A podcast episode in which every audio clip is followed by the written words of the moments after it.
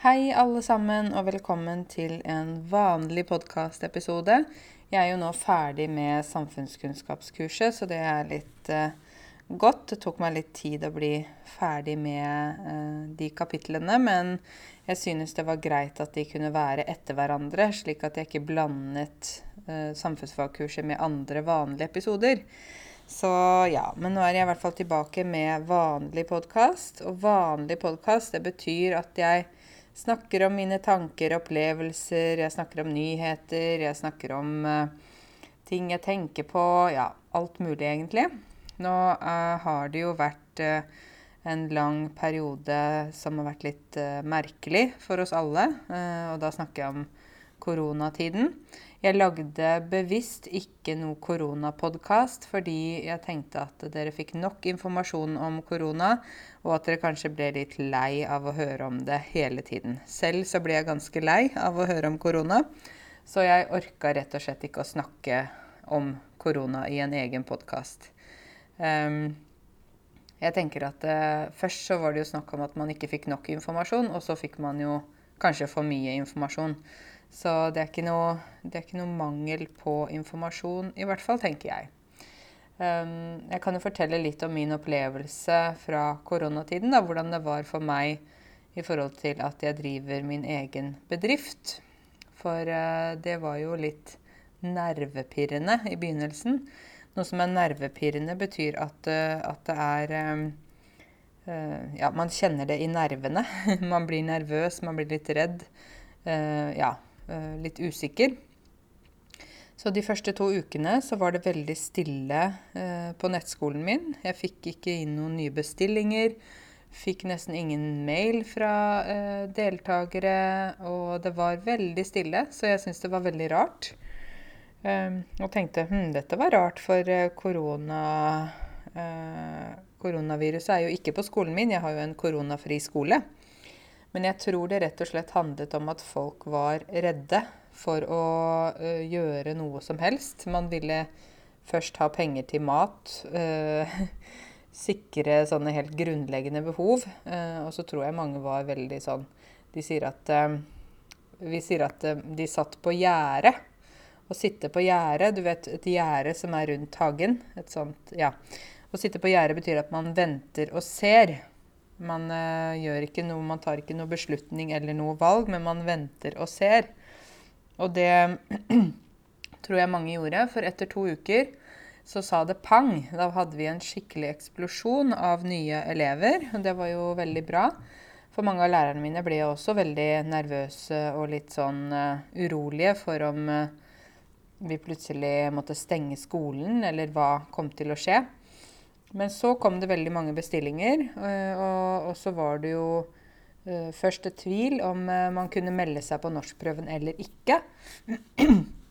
og det var jo stor usikkerhet egentlig ganske lenge for om det kom til å bli norskprøver. Og jeg kunne heller ikke svare for det. Jeg kunne ikke si ja, det blir norskprøver, eller nei, det blir ikke norskprøver. Så det var litt sånn Det var mange usikre momenter.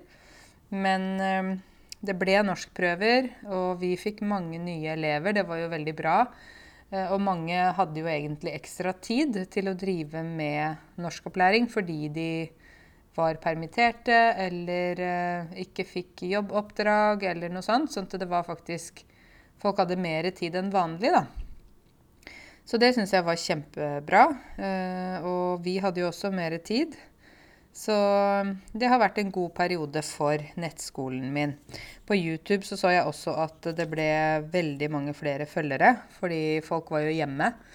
Og YouTube-videoene mine er gratis, så da kan hvem som helst se på de. Og det var jeg veldig glad for at flere begynte å følge meg, og flere begynte å uh, se at det faktisk går an å lære norsk uten at man trenger å sitte i et klasserom. Det er mange veier til rom. Har dere det uttrykket på språket deres? Altså, det er mange veier til Roma, ikke sant? Eh, Roma var jo I Romerriket så var det jo eh, det som Det var et stort sånn eh, eh Hva skal vi si rike. Eh, akkurat som vi sier at Norge er et kongerike, så var dette her et et uh, rike som gikk over uh, mange land, flere verdensdeler. Romerriket. og uh, uansett hvor du gikk, så, så, kunne du komme deg til Roma. Derfor har vi dette uttrykket alle Det er mange veier til rom. Det betyr at det er mange måter man kan gjøre ting på og komme frem til en løsning. Det er ikke nødvendigvis bare én måte å gjøre ting på. Og det mener jeg også med det å lære språk. at vi må begynne å, å, tenke kanskje litt utradisjonelt. At uh, det er ikke nødvendigvis bare det å sitte i et klasserom med en bok og en lærer som står og snakker, som gjør at man lærer et språk.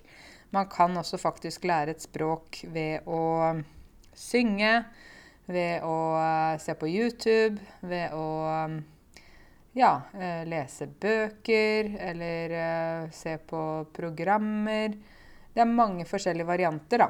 Og noe jeg tror var veldig bra med denne koronatiden, var jo at plutselig så måtte folk tenke annerledes. Folk måtte tenke nytt. Øh, finne nye løsninger, og finne nye løsninger fort.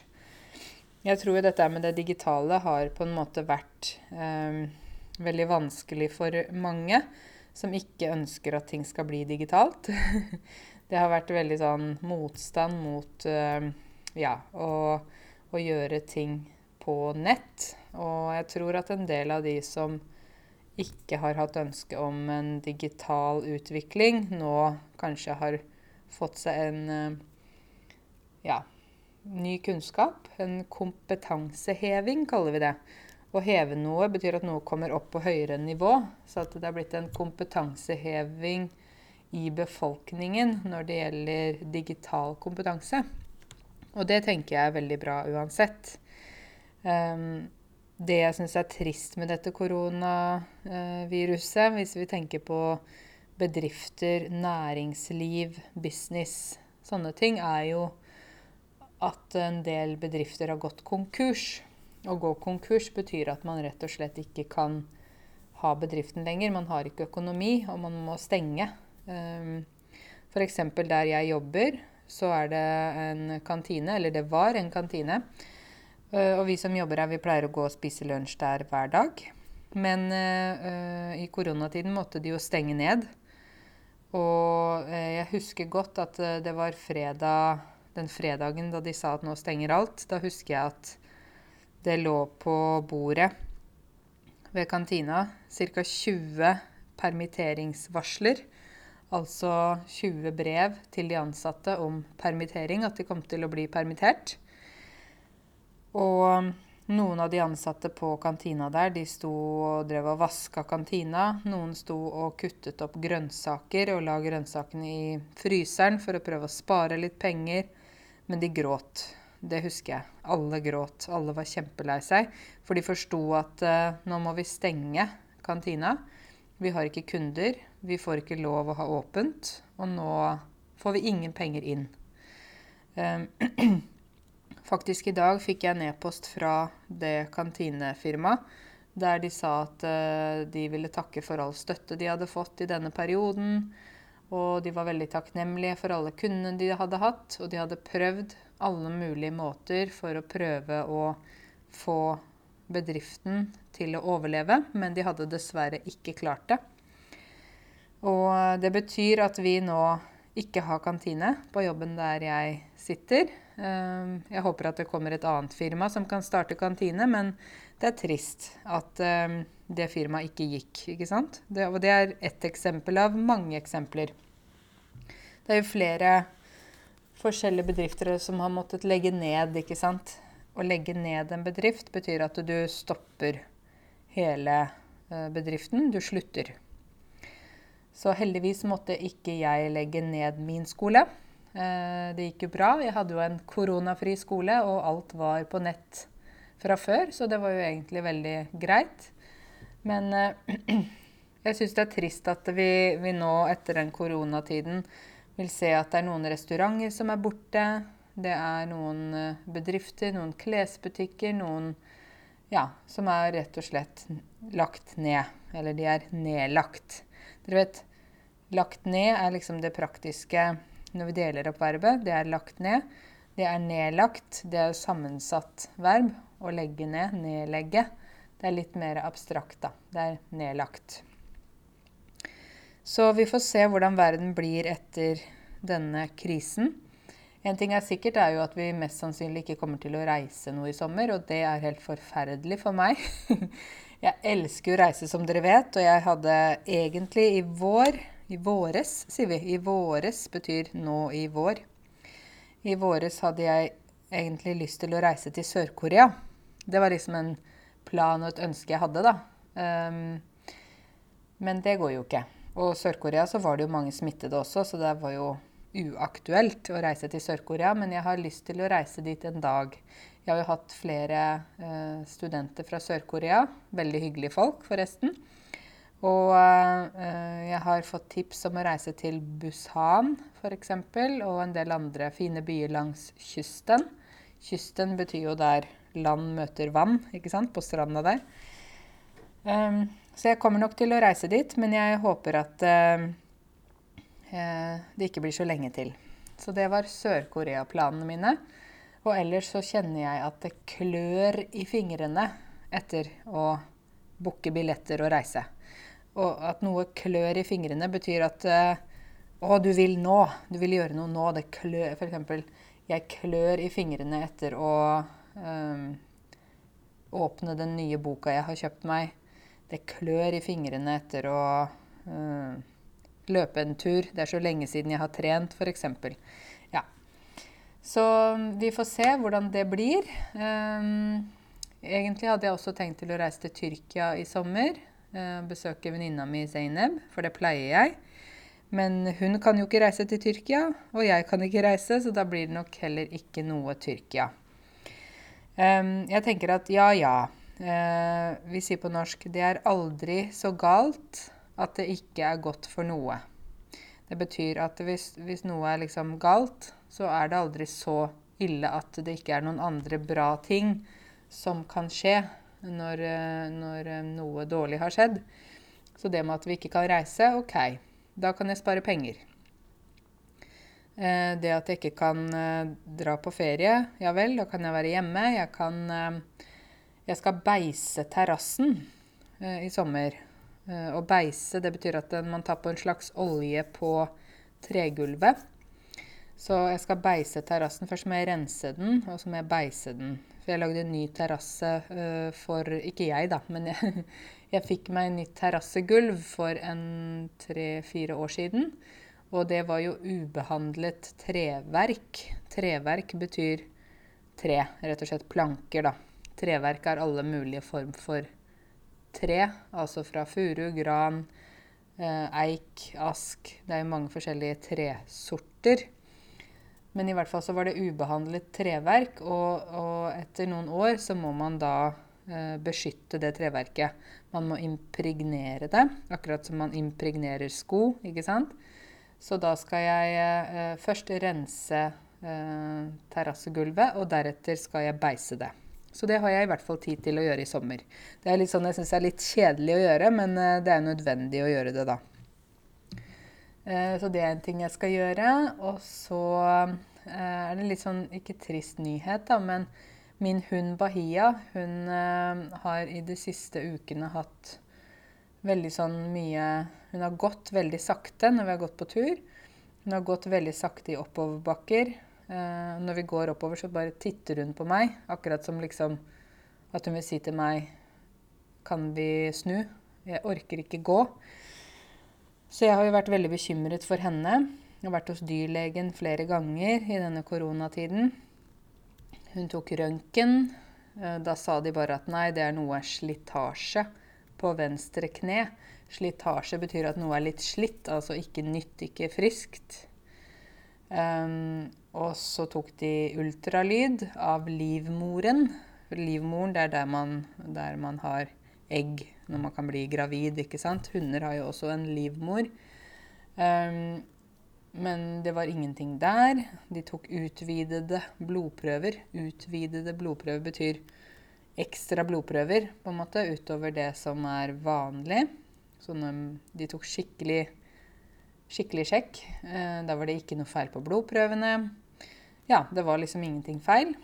Og så tenkte jeg ja, ja, vi får bare ta det litt rolig. Kanskje hun har strekt beinet litt, eller kanskje hun har tråkket litt feil, eller noe sånt. Og nå har det gått en måned, og fortsatt ikke bra. Hun går fortsatt sakte. Hun snuser mye. Å snuse, det er det eh, hundene gjør når de lukter. De snuser, sier vi. Så hun snuser veldig mye, mer enn normalt. Um, så nå eh, på mandag så var jeg hos kiropraktor for hunder. det finnes faktisk. Og han sa at det må være noe kanskje med korsbåndet på venstre kne. Korsbånd er det, det er et slags bånd som går over kneet, som holder kneet på plass. Vi har jo også korsbånd. Um, og så sa de at jeg skal se i to uker og gå veldig, veldig rolig på tur og se om det blir bedre. Og hvis det ikke blir bedre, så må vi vurdere operasjon. Men så ringte jeg til de i går fordi jeg syns det ser ut som Bahia har veldig vondt. Og jeg sa at uh, kan jeg få en time tidligere hos dere? Så jeg skal uh, til dyrlegen i morgen kvart over to med Bahia. Så jeg vet ikke hva de kommer til å bestemme, men hvis det blir operasjon, så er det jo da en opptreningsperiode. Og da må jeg uansett være hjemme. Så det, jeg skal jo ikke reise i sommer. Så kanskje det passer bra. Um, det er jo avansert å operere på dyr, fordi de forstår jo ikke hva det er. De forstår ikke at de må ta det med ro etterpå. De, det er mange ting som de ikke forstår. Så jeg vet ikke helt hvordan det kommer til å gå. Men øh, hun kan i hvert fall ikke være sånn som hun er nå.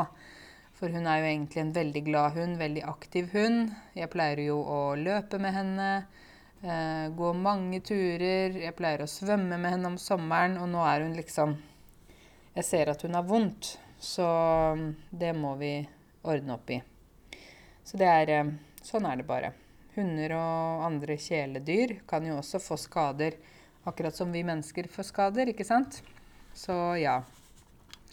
Hva ellers er nytt? Uh, jo, jeg har byttet kontor. Uh, det var litt morsomt da når den koronatiden begynte. Så var det sånn at jeg nå i vinter så har jeg uh, pusset opp badet mitt. Det var utrolig deilig å få nytt bad. Jeg bodde på Airbnb i, en måned. Og så bodde jeg hos min mor også, fordi jeg kunne jo ikke være hjemme uten bad. Så det var i hvert fall veldig deilig å få badet tilbake. Og uh, nå så har jeg tenkt til å utvide planene mine litt med å kanskje uh, sette inn et nytt vindu. Jeg har en sånn loftstue, så jeg vil sette inn et nytt vindu uh, der. Men da må jeg søke plan- og bygningsetaten i Oslo om å få lov til å sette inn et vindu. Fordi det er fasadeendring.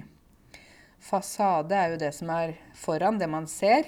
Så når man har fasadeendring, så endrer man i liksom det man ser, da.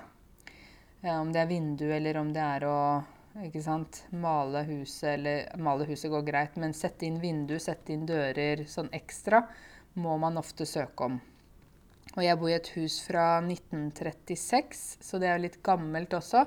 Og da blir det ekstra viktig med sånne ting. Så jeg har nå et uh, ingeniørfirma som skal hjelpe meg med de papirene. For det er bare sånn Åh, det orker jeg ikke. Jeg liker ikke egentlig så veldig godt sånne vanskelige papirer med regler og lover og paragrafer og unntak og vedtak og jeg vet ikke hva. Jeg forstår ikke sånn. Jeg vil ikke forstå. Du vet, man kan forstå, og så kan man også si at jeg forstår ikke, men det betyr kanskje at jeg, jeg kan forstå, men jeg vil ikke forstå. Sånn er det for meg med sånne type dokumenter. Så jeg har et firma som skal fikse det. Eh, og i den koronatiden så var det jo sånn at jeg hadde en eh, pult hjemme. En pult betyr en sånn, et bord for å jobbe. Eh, akkurat som man har en skolepult. Jeg hadde en sånn arbeidspult som eh, jeg jobber på. Altså en, eh, ja, den var tre meter lang. Og det var sånn hev-senk-pult. Dere kjenner til det? Man kan ta bordet opp og ned, så man kan sitte og stå. Det er jo bra i forhold til eh, ryggvondt og sånn, som jeg ofte får. Vondt i nakken og sånn. Så må jeg variere uh, sittestillingene mine og ståstillingene. Men i hvert fall denne pulten ville jeg ta på kontoret mitt. Og så klarte jeg ikke å gjøre det selv, fordi det er sånn litt vanskelig å demontere det bordet. Fordi det er tungt, og det er tre meter langt, og det er ja, masse sånne skruer og noen sånne ledninger og noe greier. Så i hvert fall Jeg fikk da det firmaet som hadde montert den pulten hjemme hos meg. De kom og demonterte og remonterte igjen her på kontoret mitt. Og de sa dette var veldig rart. Alle øh, går nå hjem for å ha hjemmekontor, og du flytter pulten fra hjemmekontor til kontoret. det var litt rart. Og så sa jeg ja, men jeg skal ikke gi meg. Jeg skal klare denne perioden. Jeg skal ikke, jeg skal ikke legge ned bedriften min. Jeg skal ikke gå konkurs. Jeg skal fortsette å jobbe. Jeg skal klare dette her. Så jeg var veldig sånn sta på det. Å være sta betyr at man er sånn Man er veldig bestemt og er ikke interessert i å diskutere ting. Sta som et esel, ikke sant? Så jeg var sta som et esel, fikk pulten ned, og så eh, etter hvert som jeg eh, hadde undervisning og jobba med skolen min, så tenkte jeg at nei, vet du hva, jeg vil faktisk ha et større kontor. Jeg hadde et litt lite kontor. Så nå har jeg byttet til et mye større rom. Um, og her har jeg også mulighet til å ha norskkurs. Så jeg tenkte kanskje i løpet av sommeren, hvis jeg skal være her, så kanskje jeg skal ha noe sånn intensiv uh, norskkurs, sommerkurs. Så det blir litt spennende. Jeg må tenke ut um, hvordan jeg skal gjøre det, men jeg, uh, jeg, tror at det kunne vært fint å hatt sånn eh, norskkurs eh, på kontoret her jeg sitter. Det ville jo ikke bli en veldig stor gruppe. Det ville jo blitt få plasser, men i hvert fall å prøve det ut. Jeg er jo egentlig veldig, veldig glad for at jeg ikke hadde eh, leid et sånn kjempestort eh, skolelokale, ikke sant, når koronatiden kom. Fordi jeg vet jo mange som da måtte stenge, ikke sant, og så eh, ja, måtte de betale husleie, men fikk ikke noe penger inn. Og det er jo vanskelig. Så jeg hadde jo ikke noe husleie for alt er på nett. Så i hvert fall, vi får se om det blir noen kurs her i løpet av sommeren. Jeg er jo sånn mm, jeg, liker jo å tenke litt annerledes, da. Sånn at eh, jeg vil ikke tenke sånn Å, jeg skal ha norskkurs hver eneste mandag, hver eneste onsdag resten av mitt liv fra klokka fire til klokka ni. Ikke sant? Jeg liker ikke sånn å tenke sånn. Eh, så jeg vil heller ha sånn Når jeg har tid og mulighet, så kan jeg ha et kurs. Og så fyller jeg opp kurset, holder kurset, og så tar jeg kanskje litt pause. Og så kommer et nytt kurs. Så sånn, sånn liker jeg å jobbe, da. Ha litt fleksibilitet. Jeg syns egentlig at fleksibilitet i livet er veldig viktig. Jeg ser jo det nå med um, arbeidslivet, at det begynner å bli mer sånn fokus på at man må ha fleksible løsninger, ikke bare liksom OK, du må komme på jobb klokka åtte, gå klokka fire. At det faktisk går an å jobbe på andre måter. Eh, jeg tror jo nå hjemmekontor blir mer akseptert og mer brukt etter denne koronatiden. Det er jo én ting. Eh, og så tror jeg også at det vil være eh, kanskje fokus på andre type arbeidsmetoder. Eller f.eks. at man har kanskje Ja. Man har f.eks. mulighet til å jobbe i team. Man kan jobbe hjemme, man kan jobbe på jobben. Man kan ha litt andre arbeidstider. Ja. Så jeg tror at det blir mer fleksibilitet, da. Det trenger vi. Det er jo sånn øh, Jeg tror en grunn til at kanskje Arbeiderpartiet ikke er så populært som det var før. Nå er det Arbeiderpartiet, det er ikke Arbeidspartiet. Mange av dere sier Arbeidspartiet. Det er det ikke. Det er Arbeiderpartiet. Så jeg tror jo egentlig at mange av dere øh, dere tenker liksom å, Arbeiderpartiet det er liksom det store partiet. Ja, men jeg tror at det er i ferd med å endre seg. Det er i ferd med å endre seg. Det betyr at det um, driver og endrer seg. da, Det skjer. Det er i ferd. Jeg er i ferd med å få en ny jobb, f.eks. Jeg, jeg får snart en ny jobb. Så det er i ferd med å endre seg, fordi Arbeiderpartiet var jo veldig, veldig populært rett etter krigen og i de årene videre der. fordi da måtte vi bygge opp igjen Norge. Vi måtte ha nye arbeidsplasser. Vi hadde mange fabrikker. Vi hadde mange sånne type bedrifter der man trengte folk. Og det var arbeidere som kanskje ikke var De var ikke akademikere, men de, de ble opplært og fikk en jobb, f.eks. på en fabrikk. Og så ble det jo mye fokus på deres rettigheter og sånt etter hvert, ikke sant. Mens i dag eh, så har jo arbeidsmarkedet endret seg. Veldig mye av vår industri er borte. Den er, eh, er um, i utlandet, i mange andre land. Har vi flyttet fabrikker og produksjon til andre land. Og mye av vår uh, Mye av det arbeidet som vi gjør, er uh, rett og slett uh, innenfor service. Altså alt som har å gjøre med service. Vi har ikke så mye i primærnæringene. Primærnæringer er liksom det der man jobber med ressurser fra naturen, f.eks. Vi har jo fiske, men skogdrift, f.eks. det med å kutte trær og selge ved og, og tre, har vi ikke så mye av. Eh, også jordbruk, altså bønder. Det er ikke så mange bønder vi har heller. Så det er mer det der av at vi driver med sånn sekundærnæring, altså det som er eh, ikke nødvendigvis å jobbe direkte med naturen, men å lage bedrifter og business og sånn type. Så vi har mye av det. Um, og da blir ikke kanskje Arbeiderpartiet så populært, fordi Arbeiderpartiet er jo til for folk som jobber. Uh, og særlig de som da har jobba på bedrifter der de ja, får opplæring og jobber liksom åtte til fire, gå hjem, ikke sant, produsere sånn type. Men nå er det mer at folk jobber i business, bedrifter og sånn type. Og da er det ikke det, er ikke det, det Arbeiderpartiet er opptatt av, er kanskje ikke like aktuelt, da. Så jeg ser jo at oppslutningen om Arbeiderpartiet Oppslutning betyr hvor mange velgere de har. Den har falt, eller den har dalt. Oppslutningen daler. Dale betyr at det går sakte ned. F.eks. Eh, at noe daler ned. Hvis du har en, eh, en fjær fra en fugl, og så holder du den høyt oppe, og så slipper du fjæra, så daler den sakte ned.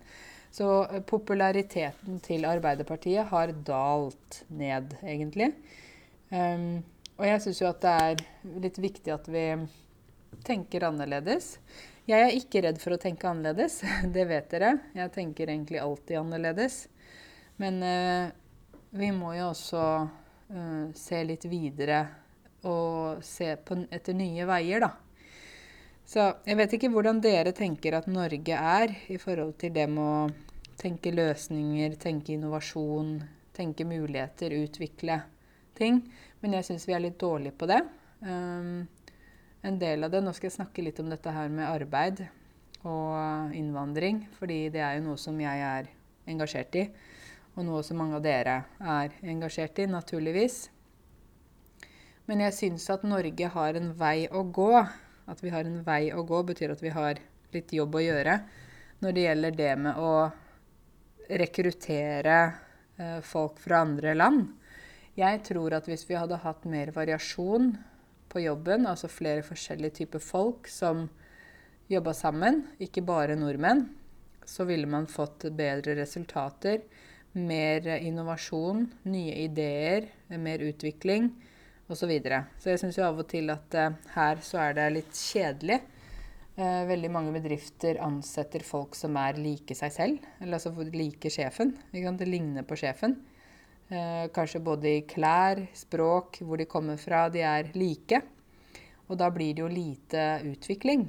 Fordi dere vet lite betyr at det ikke er mye, ikke sant? vi trenger mer. Jeg har lite kaffe. Jeg må fylle på mer det blir lite utvikling. Fordi hvis jeg skal jobbe med folk som tenker som meg, da er det ikke noe nytt som kommer. Så jeg tenker at, at, eh, Norge bør etter hvert tenke litt utenfor boksen. Tenke litt nytt. Eh, våge å gjøre ting som er annerledes.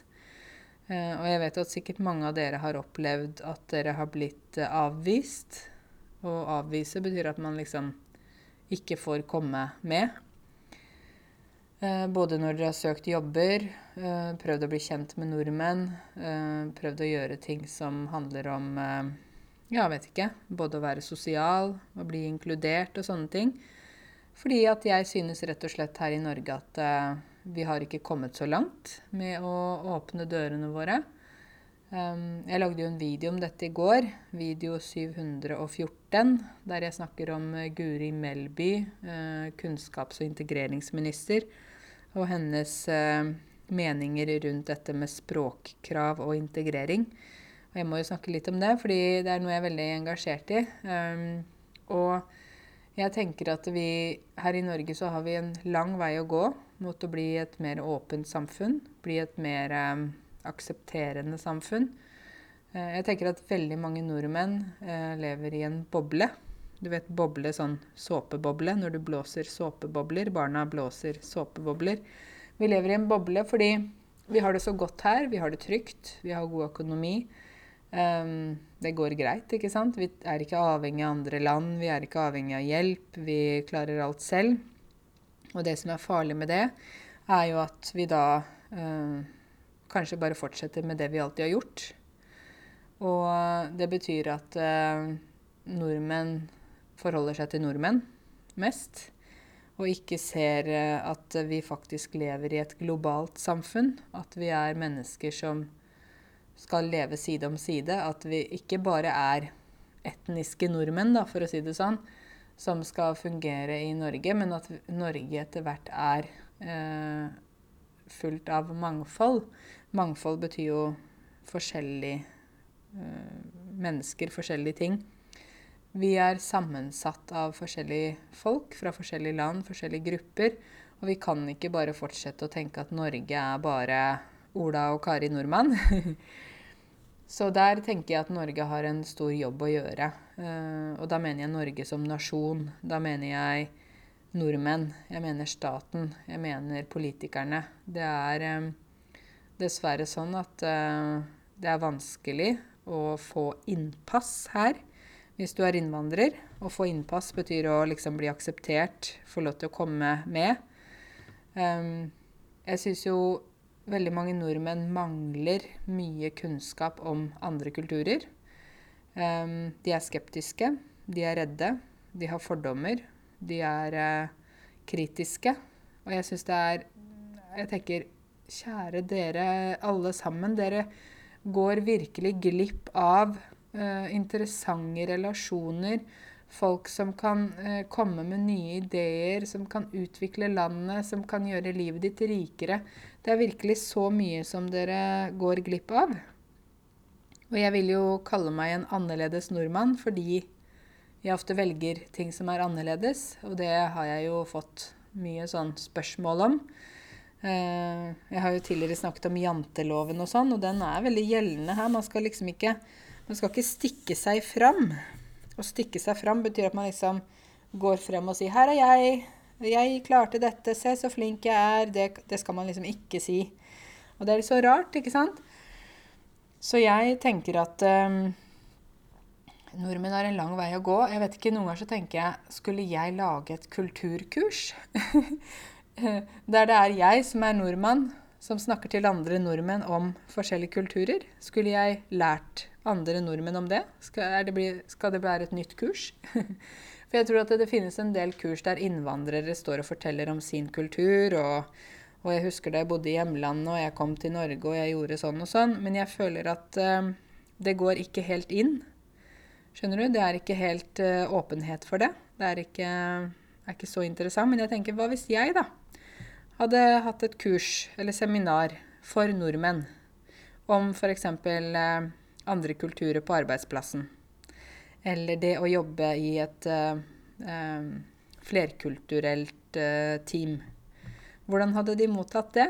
For jeg føler at jeg kan, jeg kan være en kulturformidler mellom begge de gruppene. Jeg kan formidle til dere. Formidle betyr at man forteller på en interessant måte.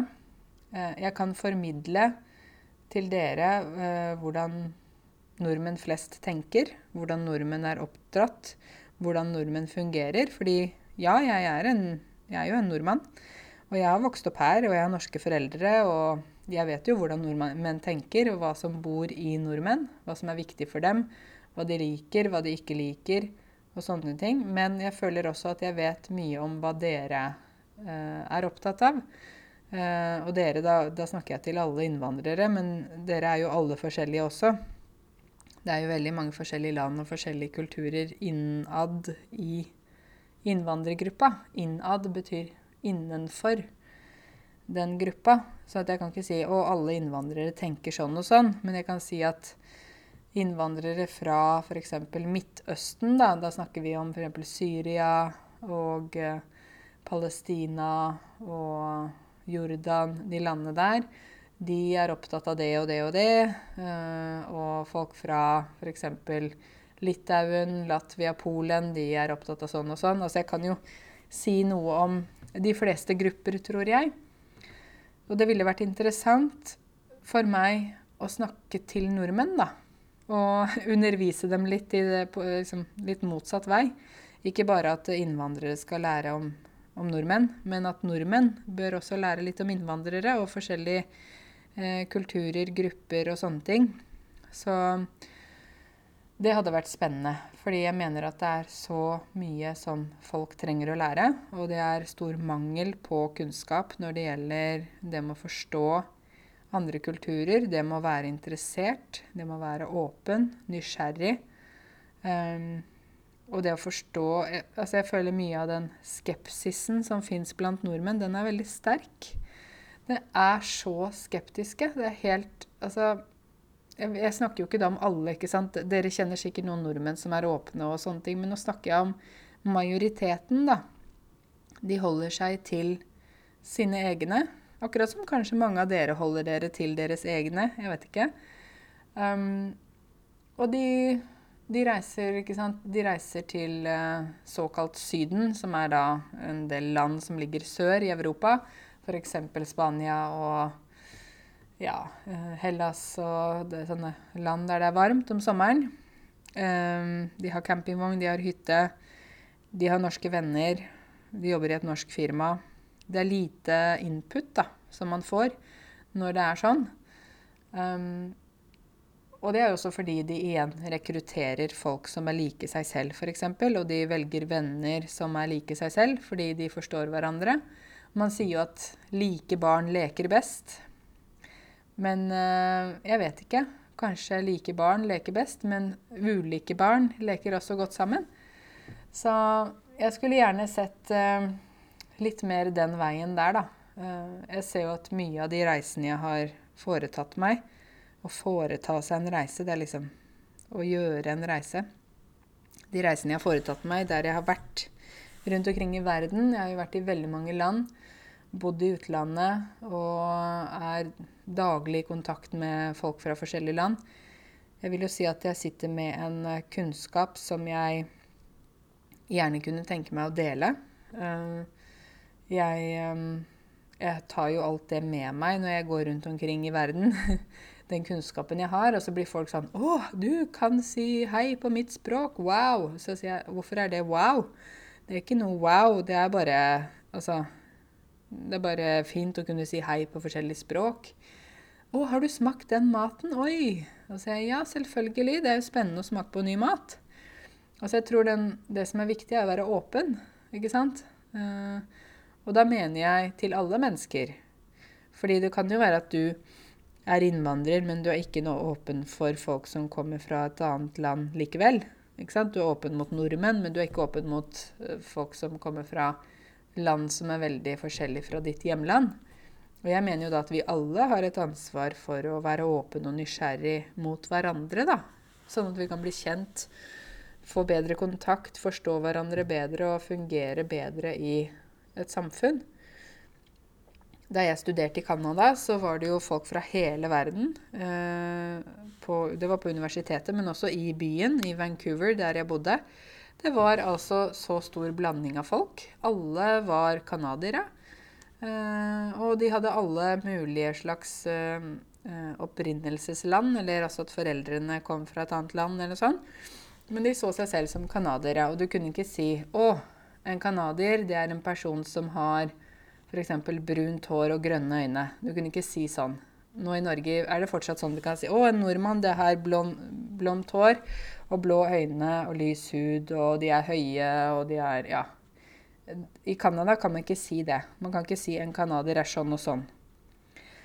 Og jeg gleder meg til den dagen vi også uh, er der. Jeg tror det er lenge til, men jeg, den dagen vi i Norge kan, kan si at å ja, det er en nordmann, og den, den, personen kan være mørk i huden, lys i huden, ha blondt hår, rødt hår, brune øyne, blå øyne, grønne øyne, være høy og lav, alle mulige former og fasonger.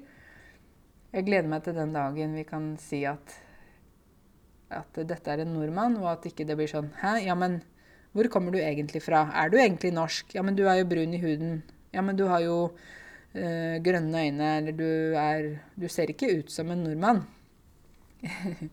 Så jeg tenker at vi har en lang vei å gå, men øh, jeg håper jo etter hvert at folk vil åpne opp litt mer og se hvilken gave det er å ha venner fra forskjellige land. Det er jo en gave. Det er jo en velsignelse, dere. Jeg syns det er bare For meg så er det Jeg er så glad for at jeg kjenner så mange fra forskjellige land. For at jeg kjenner mange av dere. Jeg er utrolig takknemlig. Jeg tenker det er noe av det største gaven i livet mitt. å kjenne så mange flotte, forskjellige mennesker. Og det gjør at jeg blir ydmyk. Og um, ja, jeg tenker over det at det er mye jeg ikke kan. Det er mye jeg kan, men også mye jeg ikke kan. Og det, det gjør meg veldig ydmyk, da. Eh, sånn at det ikke blir sånn 'Å, jeg vet alt', og 'Å, Norge er best', og 'Norge, Norge, Norge'. Nei. Ja, Norge har mye bra, men Norge har også mye eh, forbedringspotensial. At vi, vi, trenger å forbedre oss, og vi trenger å åpne opp, da. Så en eh, oppfordring til alle sammen. Oppfordring betyr jo en slags anbefaling. Det er å være åpen mot alle mulige typer mennesker. Og ikke døm noen på forhånd. Ikke ha noen tanker på forhånd om noen er, hvordan noen er. For plutselig så åpner de munnen, og så sier de noe du ikke hadde forventet. Du blir 'hæ?' For eksempel, 'Vet du det?' eller 'Snakker du så godt norsk?' eller 'Å?' Ikke sant? Vær åpen. Vær åpen, vær nysgjerrig. Vær, eh, vær søkende, for i det så, så, lærer du så utrolig mye. både om deg selv og om andre mennesker. Det bør vi alle klare, og kanskje jeg en dag får muligheten til å holde litt kurs for nordmenn. Kulturkurs. Den andre veien. Ikke om norsk kultur, men om andre kulturer til nordmenn. Så vi får se om det, om det er mulig.